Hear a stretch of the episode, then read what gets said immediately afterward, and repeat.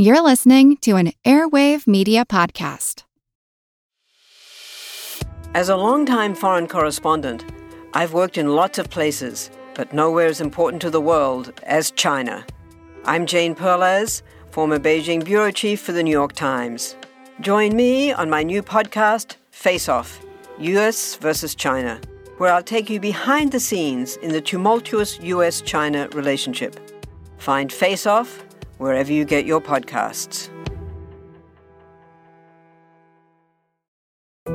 We all know how important it is to keep your eye on the money, and not just your own.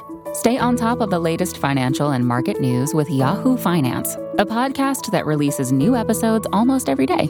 You'll hear a brief overview of the biggest news in the financial world, all in three minutes or less, right after markets close. Check out Yahoo Finance wherever you get your podcasts. That's Yahoo Finance wherever you get your podcasts. This is Kick Ass News. I'm Ben Mathis. Hey, folks, got big plans for the new year? Maybe you're ready to finally launch a small business, start a blog, or promote your favorite passion project. Well, in this day and age, it doesn't exist if it doesn't have a good looking professional web presence. Luckily, Squarespace makes it easy to turn your idea into a unique website. Showcase your work, publish content, even sell products and services of all kinds in just a few clicks. You can customize everything from the look and feel to settings and products using beautiful templates created by world class designers. And there's nothing to install, patch, or upgrade ever. Head to squarespace.com for a free trial. And when you're ready to launch, use the offer code KICK to save 10% off your first purchase of a website or domain. Again, that's squarespace.com and offer code KICK for 10% off. And now, enjoy the podcast.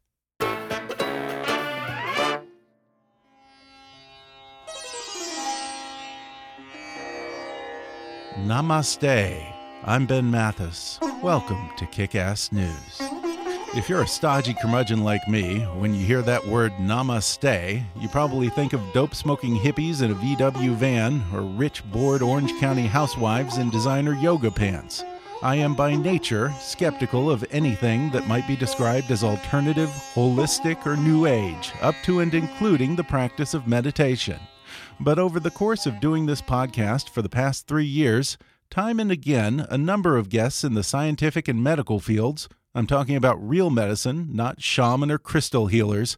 Actual doctors and experts have extolled the myriad virtues and benefits of meditation. Arianna Huffington suggested it as an excellent natural sleep aid. Dr. Daniel Amen discussed meditation's power to improve brain plasticity. And Nobel Prize winner Dr. Elizabeth Blackburn shared research proving that it actually grows and repairs human telomeres, promoting longevity.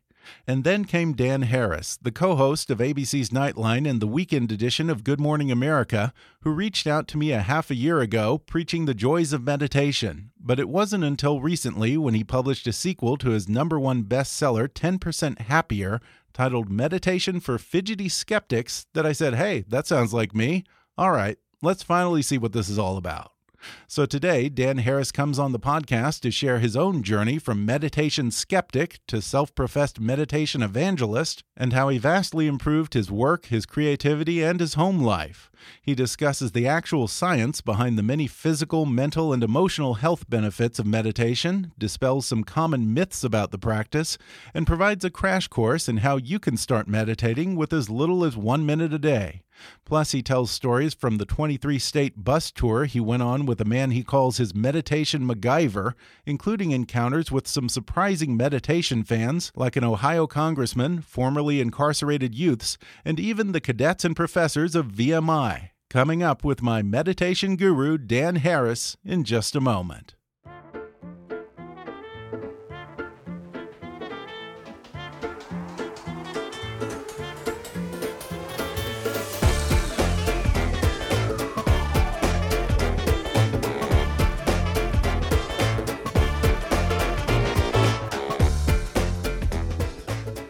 Dan Harris is the co anchor of ABC's Nightline and the weekend editions of Good Morning America. He's the author of 10% Happier, a number one New York Times bestseller.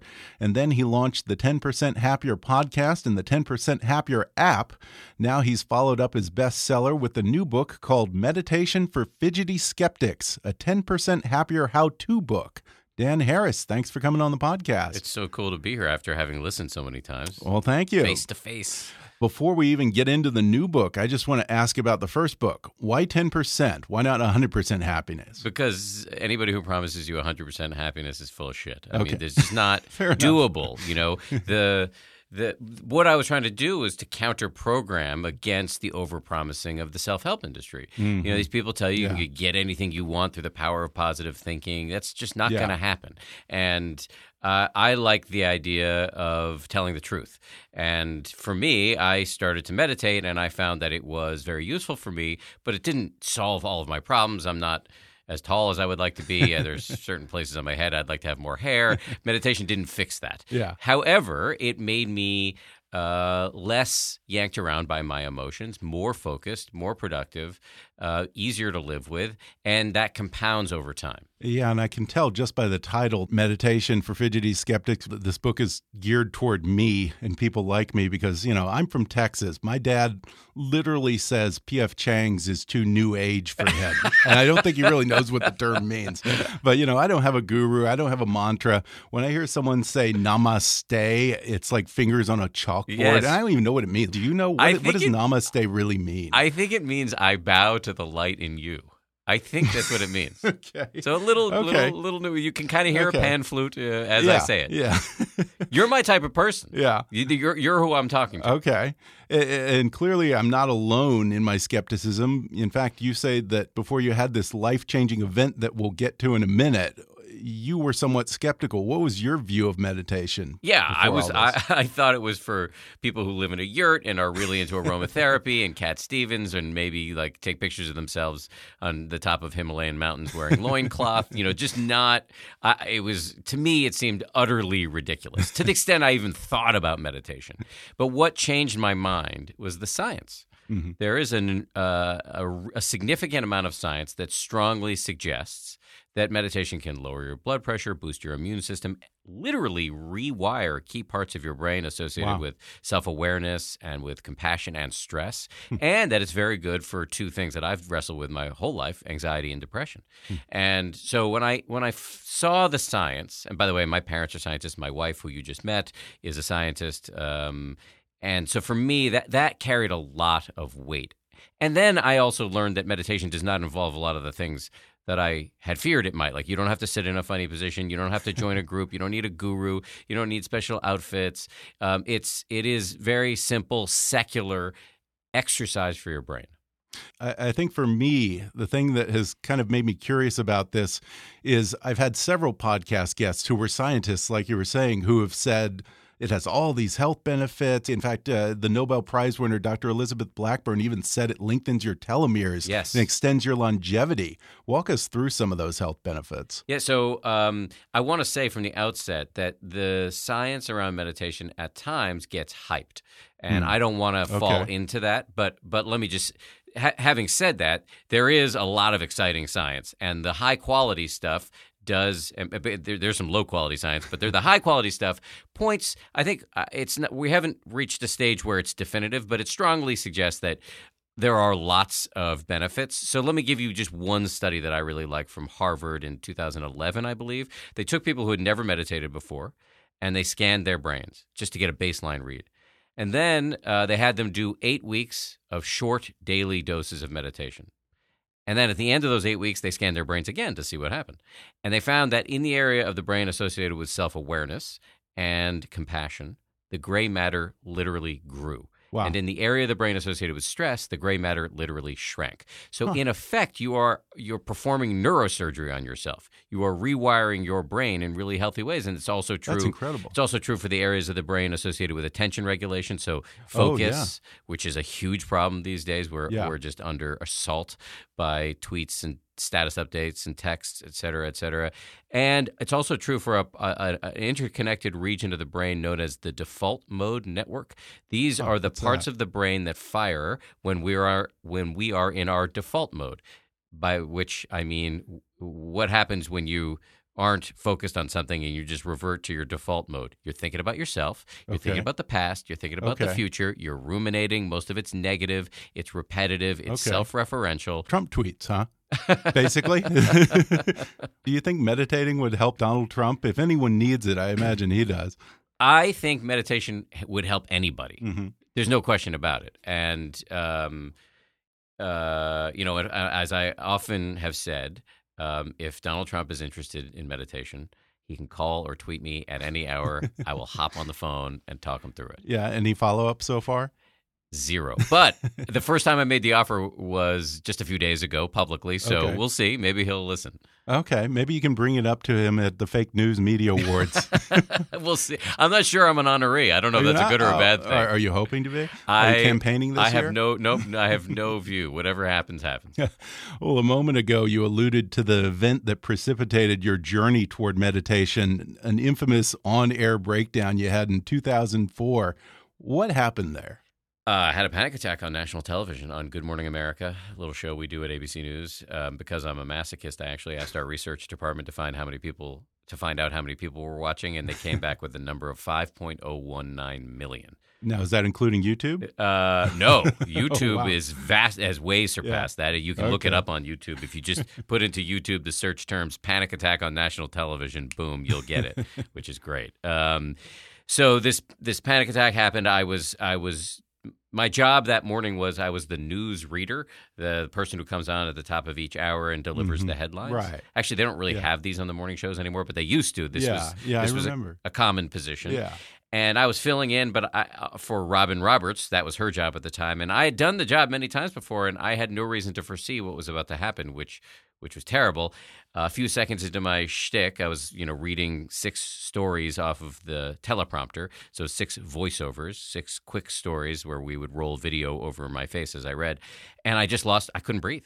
I, my heart was racing. My my mouth dried up. My palms were sweating. My lungs seized up. I couldn't talk, and I had to kind of squeak out back to you to the anchors, and um, it was horrible. And even more horrible, uh, or I would say even more embarrassing, is the backstory of what caused the panic Uh-huh. attack. which so, is which was that I had spent a lot of time as a young, ambitious, idealistic reporter in war zones after 9 11, so Oh. Iraq and Afghanistan and Pakistan, Israel, the West Bank, Gaza.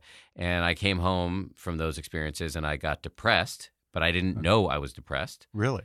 Uh, I was exhibiting what I now know to be some of the signs and symptoms. I was having trouble getting out of bed. I felt like I had a fever all the time. My body knew I was Wow. depressed, but my mind did not. And, um, or my conscious mind did not. And I did a very dumb thing, which is I started to self medicate with recreational drugs, including cocaine Oh, okay. and ecstasy. And even though, uh, you know, um, I, I was never. I didn't party that hard. It's not. I don't know if you've ever seen the movie The Wolf of Wall Street, where they're pounding quaaludes. No, that was not me. Okay. Um, but I went to a doctor after the panic attack, and he pointed out that you, know, even though my drug use was pretty intermittent and never when I was on the air, it was Okay. enough to artificially raise the level of adrenaline in my brain and prime me to have this panic attack. Okay, and, and so then, how did you arrive at meditation? Did someone suggest it to you? Did you have a vision of the Buddha, or what? How did this Yeah, start? It was just a quick trip to PF Chang's. Actually, Yeah. that's, that's what did it for me. Um, I, I love that line for your dad. I yeah, love your orange dad already. chicken. That'll do it. I'll tell that MSG.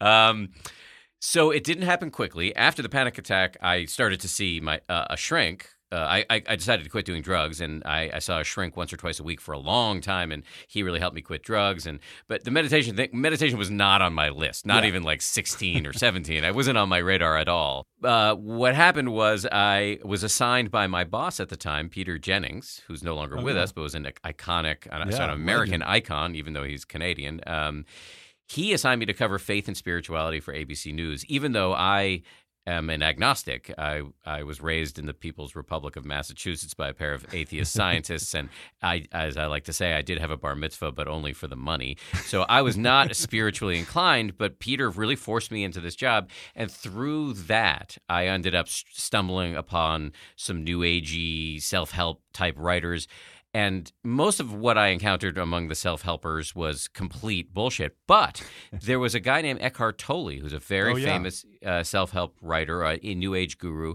And his in one of his books, he talks about the fact that we have a voice in our heads. And, and he's not talking about schizophrenia. I was just going to He- say. He's not talking about hearing voices. Okay, no He's talking about cells. your ear, inner narrator, the voice that chases you out of bed in the morning and is yammering at you all day long, has you constantly wanting stuff, planning stuff, not wanting stuff, judging people, comparing yourself to people, judging yourself, blah, blah, blah, all the time. Yeah. A friend of mine, uh, Sam Harris, who's a, uh, also a well known podcaster, has. Um, he has joked that when he thinks about the voice in his head, he feels like he's been hijacked by the most boring person alive who says the same shit over and over. And when you're unaware of this nonstop conversation, it owns you. Mm-hmm. When you when you're unaware that you're that you have this thought machine inside you offering you terrible ideas all the time, that's when you eat when you're not hungry, or you mm-hmm. check your voicemail or your email in the middle of a conversation with your kid, or you lose your temper when it doesn't make any sense. And what meditation does is systematically wake you up to this inner chaos so that it doesn't own you. And what you practice is something called mindful medica- me mindful meditation. Mindful medication was what you did Yeah, well, before. now yeah. it's mindful meditation. yeah, yeah. You know, Mindful self meditation. Okay. Now, what is mindful meditation? I like mindful meditation because it is, um, while it is derived from Buddhist meditation, it is thoroughly secular. It is also very, very simple. So I'll just walk you through Okay. the beginning steps. Uh, the first step, there are three, only three steps. I could teach you in fewer letters than it takes to send a tweet. It's that easy. that well, it's not easy, but it is simple. So the first step is to find a reasonably quiet place. Close your eyes, sit comfortably. The second step is to just focus your full attention on the feeling of your breath coming in and going out. Usually, you just pick a spot where it's most prominent your nose, your chest, or your belly. So, this sounds very, very simple, but you'll notice quickly that you get distracted. Like, as soon as you try to focus on the simple thing of your Yeah. breath, your mind's going to go, like, Whoa, what's for lunch? Why did I say that dumb thing to the boss? Why, where did gerbils run wild? Why Yeah. did Dances with Wolves beat Goodfellas for Best Picture in 1991? Blah, blah, blah the whole game, and this is the third step, at the most important part. The whole game is just to notice when you've become distracted, Okay. and to start again, Okay. and again, and again, and again, and that is the bicep curl for your brain that shows up on the brain scans. This is how you change your brain. People think that they have failed. I talk about this a lot in the book. People think they have failed when they notice they've become distracted, but that is the victory. And it is a victory Huh, of major consequence because when you see how crazy you are, that crazy can no longer have so much purchase over your actions. And that is what we're doing in meditation. We're not floating off into the cosmos. It's not a bubble bath. You don't have to reach uh, bulletproof imperturbability. All you have to do is try to focus on one thing at a time. And when you get distracted, start again and again and again. Okay. So when you're focusing, do you want your mind to be totally blank or no? No, well, I, I, I like to say to people, this whole idea of clearing your mind is the most pernicious myth that is, I think, stopping so many people who otherwise would meditate from meditating. You you will clear your mind in one of two ways. One, if you become enlightened, or two, when you die. Clearing your mind is impossible. You can, however, focus your mind. So if you, you're feeling, if literally all of your attentional uh, bandwidth is feeling your breath on the in breath and on the out breath, that is a focusing exercise. It won't last very long because the mind is a thought machine. We evolved on the savannah for threat detection. We were looking for lions who were going to come eat us and our babies. So we have a very healthy kind of hypervigilance in our mind. I think, however, we get too good at it and we feed it through technology. And what meditation does is hack the evolutionary process so that you can get better at focusing. My girlfriend likes to say that I practice mindless meditation because I, am really, really good at spacing out and daydreaming. She'll say something about Paul Ryan in the news or something, and then 10 minutes later, she asks me what I'm thinking about. And then I have to explain how this crazy six degrees of separation led me from Paul Ryan to thinking about, I don't know, some restaurant that I had a really good Philly steak in years ago and wondering if that restaurant's still there or something like that. That's completely normal. That is completely normal what I would say is that we all distractibility is totally normal, especially in our tech drenched age. Mm-hmm. What meditation is good at is cutting down on the sort of really negative parts of that, where you okay. feel like it hurts your productivity, mm-hmm. where you feel like it may hurt your relationships yeah. because you're not tuning in for people. It can really be good for that. I read that you find it useful to give names to your distractions. Yes. Uh, uh, introduce us to a few of your distractions. Well, let me just say so I wrote this book with a guy named Jeff Warren, who's one of my favorite mm-hmm. meditation teachers. He's a really funny, smart guy. So he had this idea that I thought was really goofy, which was you will notice over time that there, there are usually five or six recurring types of distraction.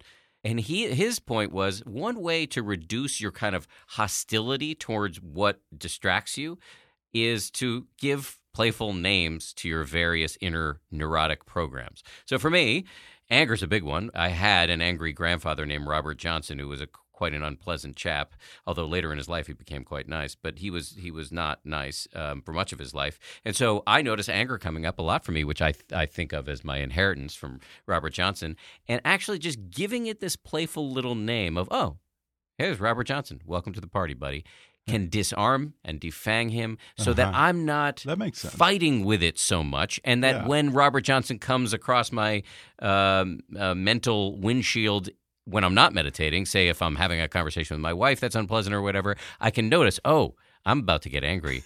I'm going to say something that's going to ruin the next uh-huh. 48 hours of my life. I can let it pass. Helps you identify. That's how useful it is. Do any people know that you've named a distraction after that? Uh, so one of my distractions is from pop culture. Um, I, you know, we all have a sort of inner logistician that's just thinking about how we're going to get everything done that we need to yeah. get done. I call that voice Julie, the cruise director from the Love uh, from uh, from the Love Boat. Um, I have uh, my I'm a very ambitious guy, really type A ambitious, and so I have when that that voice fires up, I call it Sammy from the um, famous, uh, uh, great novel, What Makes Sammy Run, about an ambitious uh, Hollywood yeah, executive. Yeah. Uh, what else do I have? Uh, Arthur, who is uh, my inner author. Like when I'm uh-huh. writing, I, okay. I, I, write books, and so I'm, I'm constantly sort of in meditation, and then something interesting will happen in meditation. I'll be like, oh, I, I could write about this, this, this, and I'll be, like, oh, that's Arthur. now, we mentioned your co author, Jeff Warren. You call him your meditation MacGyver. Tell us a little bit more about him. He is a really dynamic uh, meditation teacher from Toronto who happens to have struggled with ADD his entire adult life. Oh. And what I what was beautiful to watch over the course of working on this book with him is he sort of came into his own and realized that his mental challenges, which by the way aren't his fault, mm-hmm. actually make him a better teacher because he's huh. much better at connecting with people, which goes to the question you asked me meditation MacGyver. He loves locking in on a person, finding out what's stopping you from meditating, or if you are meditating, what are your problems in meditation, and using every tool in the toolbox to help you get over the hump. And so we structured this book as a road trip where Jeff and I went across the country, 18 states in 11 days, which I don't recommend doing, in a big, silly, um, uh, rock and roll tour bus that had been previously occupied by the members of Parliament Funkadelic. and um, what we did was we went out and met groups of people who want to meditate but aren't, and we help them get over the hump. So we spent time with cops, social workers, celebrities, politicians, military cadets, all sorts of people. And Jeff would just dive in hear people's issues. He, he, worked out with my wife, for example, who wasn't meditating, and um, it was really successful at getting a large percentage percentage of these people into an abiding meditation habit. We're going to take a quick break, and then I'll be back with more with Dan Harris when we come back in just a minute.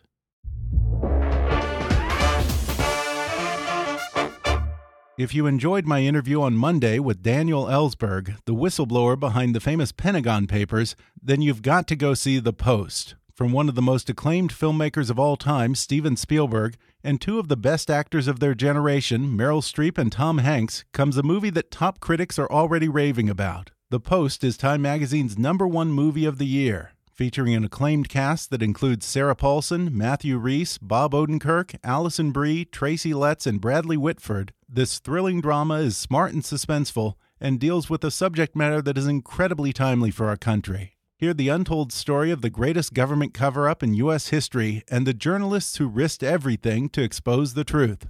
Don't miss The Post, now playing. Support for today's show comes from Squarespace. Ready to start your new business? It's a new year, so why wait to set your plans in action? The future is coming. Make it brighter with Squarespace. Folks, you know as well as I do, everything is online these days. And if you don't have a solid web presence, you don't exist. You really don't. You could be the greatest in the world at what you do, but no one will ever know. So before you do anything else with your new project, your first order of business should be getting a stylish professional website. With beautiful templates created by world class designers, Squarespace makes it easy to turn your idea into a new and unique website. Showcase your work, blog, or publish content, even sell products and services of all kinds in just a few clicks. You can customize everything from the look and feel to settings and products, and it's all optimized for mobile right out of the box. You can use Squarespace's analytics to help you grow in real time, and there's nothing to install, patch, or upgrade ever. But if you do have a question, Squarespace's award winning 24 7 customer support is there to help. A dream is just a great idea that doesn't have a website yet. Make it a reality with Squarespace. Head to squarespace.com for a free trial, and when you're ready to launch, use the offer code KICK to save 10% off your first purchase of a website or domain. That's squarespace.com, offer code KICK. And now, back to the show. You said that you went and met with cadets and professors at Virginia Military Institute on this tour, and you did meditation classes with some of the professors who had already adopted some of these practices. Did VMI get much flack for this? So VMI actually they were really nervous. They almost Yeah. canceled our visit right before we came because they were, were they they had had this thing where I guess a year or so before our visit they had an anti-stress day on campus and they handed out coloring books to people and um, their alums and uh, the cadets from a rival school called the Citadel started mocking them openly. And they were worried that if they brought meditation to campus in the form of me and Jeff and our tour bus, that they would get further mockery. However, given that there is a lot of science that suggests meditation is really good for you, and given that there are all these aspirational figures in elite in elite athletics, in corporate in the corporations, in science, and frankly in the U.S. Marines and the U.S. Army, both of which are spending tens of millions of dollars to work, research whether meditation can make more effective troops and more resilient troops. They Oh, allowed us to come, and we spent time with some professors and with some cadets. These were like some archetypal badass cadets, men and women, and th- the cadets themselves had no compunction about meditating. They were like, "Look," in fact, one of them was the captain of the football team, and he was like, "Yeah, this just makes me better at my game." Another guy was on his way to the special forces. He was like, "This just makes me smarter and more focused." What's the big deal? Yeah, And that's interesting that you said that the military is actually spending money on researching this now, because that would make sense. I mean, if soldiers or special forces guys in Afghanistan were more focused and not so easily distracted, not so edgy, then they probably do their job better and risk fewer lives, I imagine. That's exactly right. So, Yeah. two reasons to do it with the troops. One is it's actually a counterinsurgency tactic if you think about it. What do insurgents try to do? And I've spent a lot of time on patrol with our troops. They try to bait you. our troops Yeah. into killing people unnecessarily, which mm-hmm. turns the population against them. Yeah. If you're less emotionally reactive, you're going to do less of that, at least theoretically. So that is one big reason to teach the troops. Another is if you are more resilient, if you have a, if you're able to sort of surf your own emotions without getting drowned in them, that can help us deal with the scourge of PTSD, which has mm-hmm. really been a huge problem Yeah. for the military. You also met with formerly incarcerated youths who apparently they were already using similar techniques. They just weren't calling it meditation. What were they doing? That was right here in Los Angeles. Oh, yeah? Um, a group called Inside Out Writers, which was started by screenwriters who teach uh, kids in uh, juvie hall or prison, and then kids who've been released from juvie hall or prison, how to write as a way to deal with their feelings. And um, many of these kids, actually, by the, the folks we met with, were a little bit older. They've been out for a few years. said uh, that they had actually started meditating in prison because it was something that had given them like a dose Yeah. of sanity. Huh. I mean, in fairness, you have a lot of time to meditate. You do, prison, you do, and Yeah. a lot of them would do it when Yeah. the lights went out at night, so nobody else could see them. Really? Yeah. Huh. Wow. Yeah. He also talked with Congressman Tim Ryan of Ohio, who apparently is a meditation evangelist himself and even wrote a book of his own on the subject. Has he had much luck spreading the word among his colleagues in the House? Uh, short answer is no. Yeah. Longer, slightly longer answer is Tim Ryan is, I believe, one of the most effective public spokespeople for meditation Mm-hmm. because he embodies sort of a variety of all American normalcy. He's a giant former quarterback, backslapping uh, politician from the Rust Belt in Ohio. He just he he just kind of looks the part of an all American beer drinking guy, and he can talk about the be- the benefits of meditation in a way that you know it's very far from PF Chang's, right? Like he's really he's really down to earth. However, so he's had a lot of luck as a as a as a voice in the culture for meditation. Not much luck getting his fellow members of Congress to do it, and um, I would like to see him have more success. Yeah. Representative Tim Ryan apparently sees meditation as a social justice issue, which I found interesting. In other words, for him, you know, rich white housewives shouldn't be the only people to have time and money to go on a meditation retreat. Did he have any ideas on how you could spread a meditation to the people who are lower income and probably have more stressors, the people who probably most need meditation? I was so struck when he said that. I'm glad you honed in on that because I think he's right. I, I, I think he's absolutely right. There's a, there, there a couple years ago, uh, Time Magazine did a cover story on what they called the mindfulness revolution, the meditation revolution, and they had this beautiful white woman on the cover meditating. and I was happy that they covered meditation, but I was a little unhappy that they had a beautiful white woman on there. I'm no, no. I mean, I'm married to a beautiful Yeah. white woman. I have no problem with uh, with. I'm not trying to be anti. but, but it's like women. a desperate housewife thing uh, in, Yeah. in a lot of people's minds. Well, it gives the image that meditation is only for rich white people who live on the coast and Yeah. go to Whole Foods. Yeah. And again, I'm not against that because I am those things, right? I'm a white person who lives on the coast and I shop at Whole Foods. But meditation was invented by people uh, in the Indian subcontinent um, millennia ago and has been practiced by every major religion in every part of the world for millennia.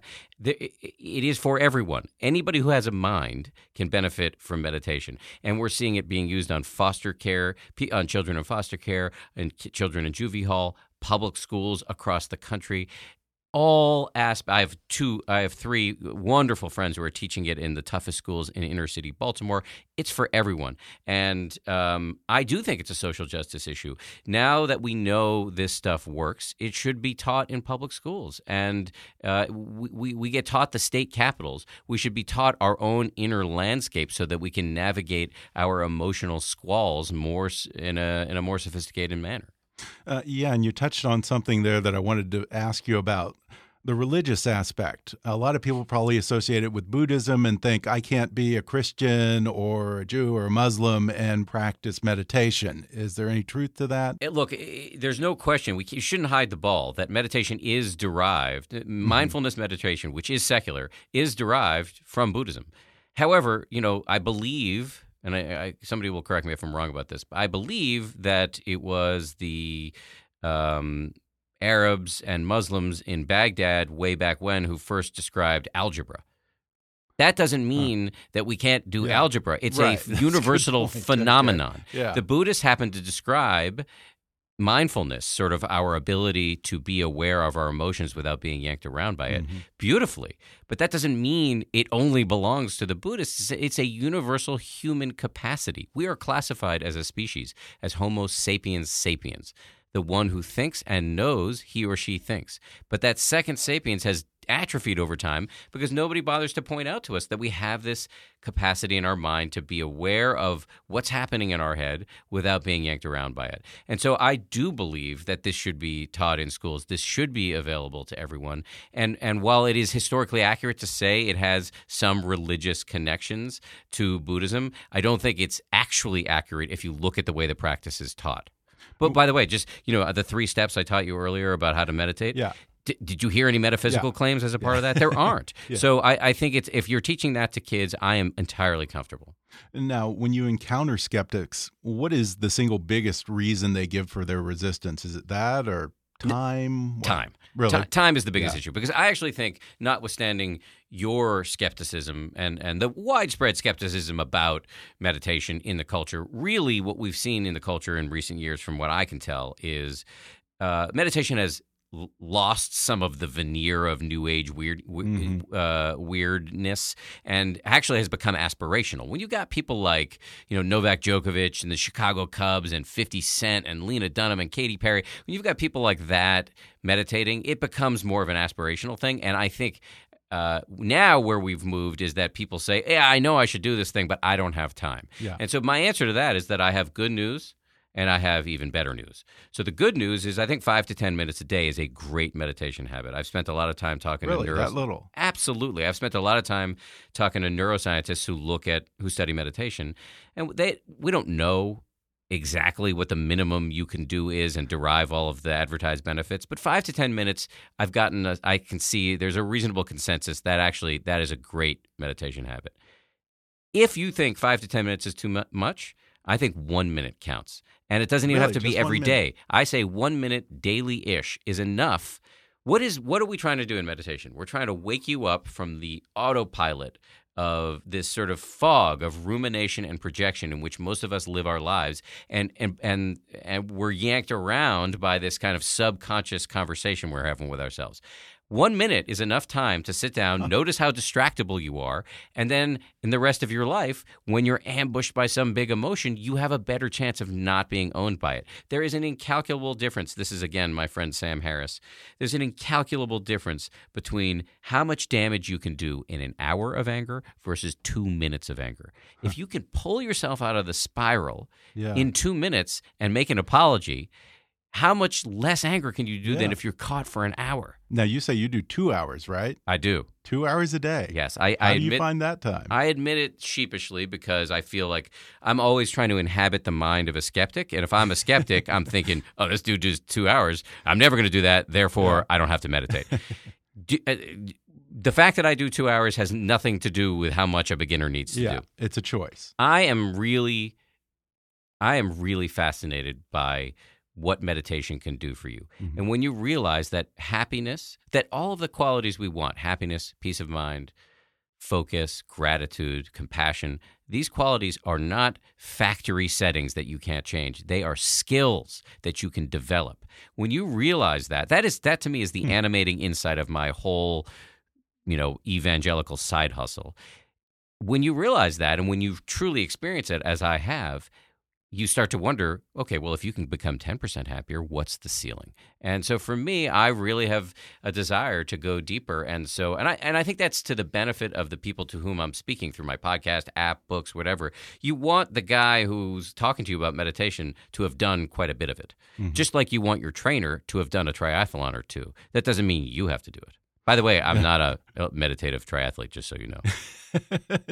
I'm an aspiring one. Uh, Now, I always assumed that there was just kind of one type of meditation, but you and Jeff come up with a number of different meditation practices for all kinds of different goals. What are some of the goals and results that folks can target their meditation toward?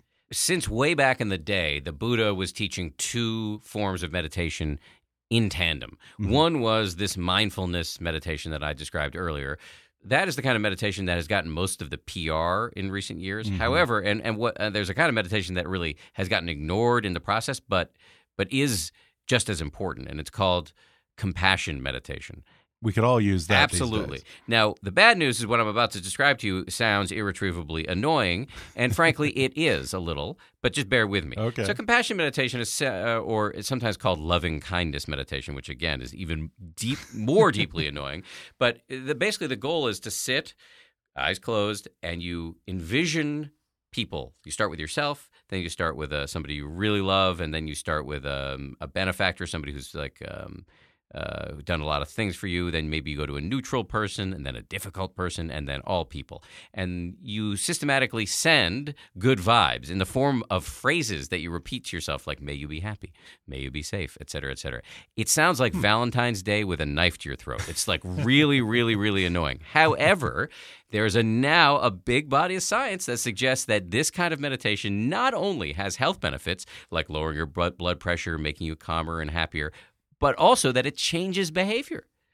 Huh. Kids. Makes you a nicer guy. Yes, preschoolers who were taught compassion meditation were more likely to give their stickers away to kids they didn't know. I have a preschooler at home. That's a big deal. Um, and there's an enormous amount of science that suggests that people who are kinder are happier, healthier, more popular, and more successful. In my first book, I wrote a whole chapter called The Self Interested Case for Not Being a Dick. And I think it's really true. And so Jeff and I wanted to make sure that we put a lot of emphasis on this kind of meditation because Mm-hmm. it has profound effects. Yeah, and that type of meditation sounds like the great antidote to all the meanness and tribalism that seems to exist in this country right now. Yes. Wow. Absolutely. Uh, You said that you even have a creativity meditation that you used when writing this book. If you ever had uh, a writer's block, how did that work? So I, as a writer, and I not only write books, but I write TV stories and they're my stories. It's such a painful process. Writing is so, for me, I've heard Yeah. people say that they love writing, and I don't understand them. For me, it's torture. And it's just like these seemingly insoluble problems are just coming up all the time. How am I going to explain this? How does the story unfold in this way? How do I? And, I, and you're just kind of constantly on this racking pain of trying to figure these things out. What I noticed through through writing this book, I finally started to follow my own advice, was that when I would bump up against one of these big problems, instead of trying to bulldoze my way through it, I would step back, maybe sit for a few minutes, and sometimes, not always, but sometimes the answer would emerge because there's a, a significant amount of research that shows that when you're trying to work on something creatively, Mhm. um, the move is to work, work, work, study, think about it, think about it, think about it, and then drop it. And then often the answer Yeah. will come when you take a shower. That's when the aha moment comes. In Mad Yeah. Men, they ask um, Don Draper, when somebody asked Don Draper, how do you come up with your slogans? He says, like, I think about it all day, then I go to the movies. And then it and comes. of course, there's the last episode. That's where he's meditating, right? That's where he that came up with the scene. Coke Yes, spot. exa- Yeah. exactly. have you found that your home life and your work life, your family life, uh, have made you more tolerable and made things uh, more enjoyable for everyone? Absolutely. Although if she were here, she would give you her 90% still a moron Yeah. uh, shtick. So, it, it- you know, uh, perfection is not on offer. Mm-hmm. Um, I still, I retain the capacity to be a dummy in lots of ways. Um, but I am more patient, uh, more present, uh, more focused, more. Um, so we, we had a big infertility struggle and finally we're able to have a child and it's just this incredible thing to have this little being around the house. And what meditation has helped me do is really wring all the joy out of it or more joy than I otherwise would have without getting distracted and thinking about what's the next thing. Yeah. And so all of that adds up to a much more congenial home life. Does that mean I never snap? No, we were a little late this morning, or I thought we were going to be a little late, and I snapped a little bit at her. And but I, I find that I am I do that less frequently, and I'm quicker to apologize. Okay. Well, that's a pretty good endorsement. And she seems to like you pretty much from what I've seen this morning. So I think it's working. Some days, Well, here it is, the new year, and maybe people want to start off with a New Year's resolution to start meditating or meditating more, but it's so hard to keep New Year's resolutions. Before we go, what is the trick to sticking with meditation? Okay, so the reason why resolutions are, I, I had to learn a lot about um, habit formation and Mhm. human behavior change in order to write this book. There's a reason why keeping resolutions or even or forming any healthy habit is hard because evolution did not bequeath us a mind that is good at that. Evolution uh, bequeathed us a mind that is good at threat detection, looking for saber-toothed, ti- Right. saber-toothed tigers, or finding food and mates. Why? Because evolution didn't care about our long-term health. It only Yeah. cared about getting your genes into the next generation, your DNA into the next generation. So just know as you try to do this that it is hard. Just knowing that it is hard for all humans, not just you. You aren't uniquely messed up. It is hard for everybody because that is the way the mind works.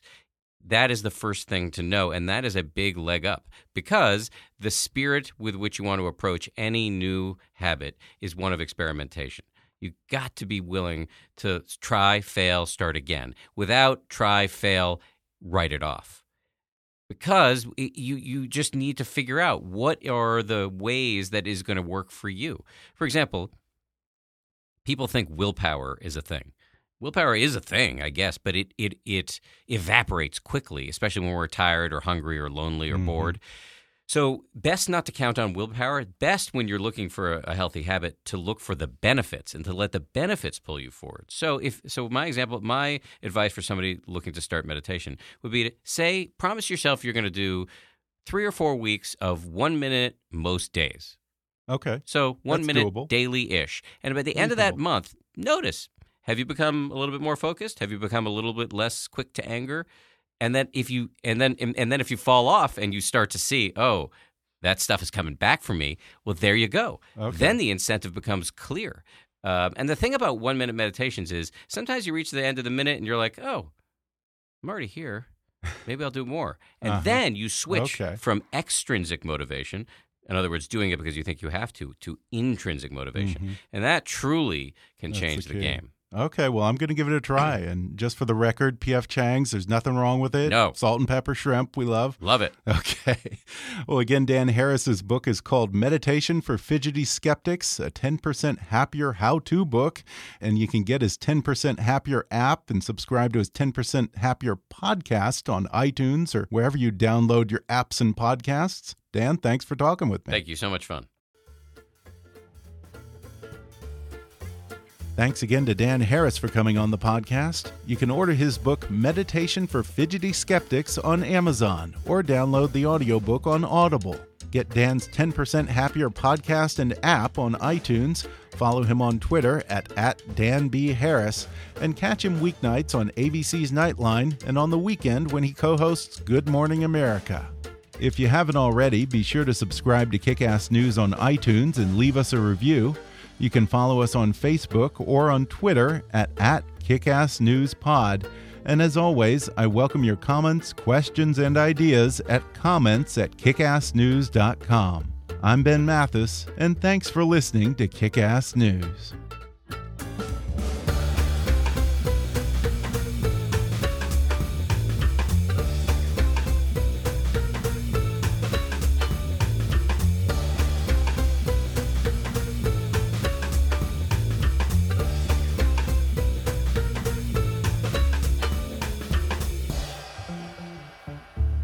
Kickass News is a trademark of Mathis Entertainment, Inc.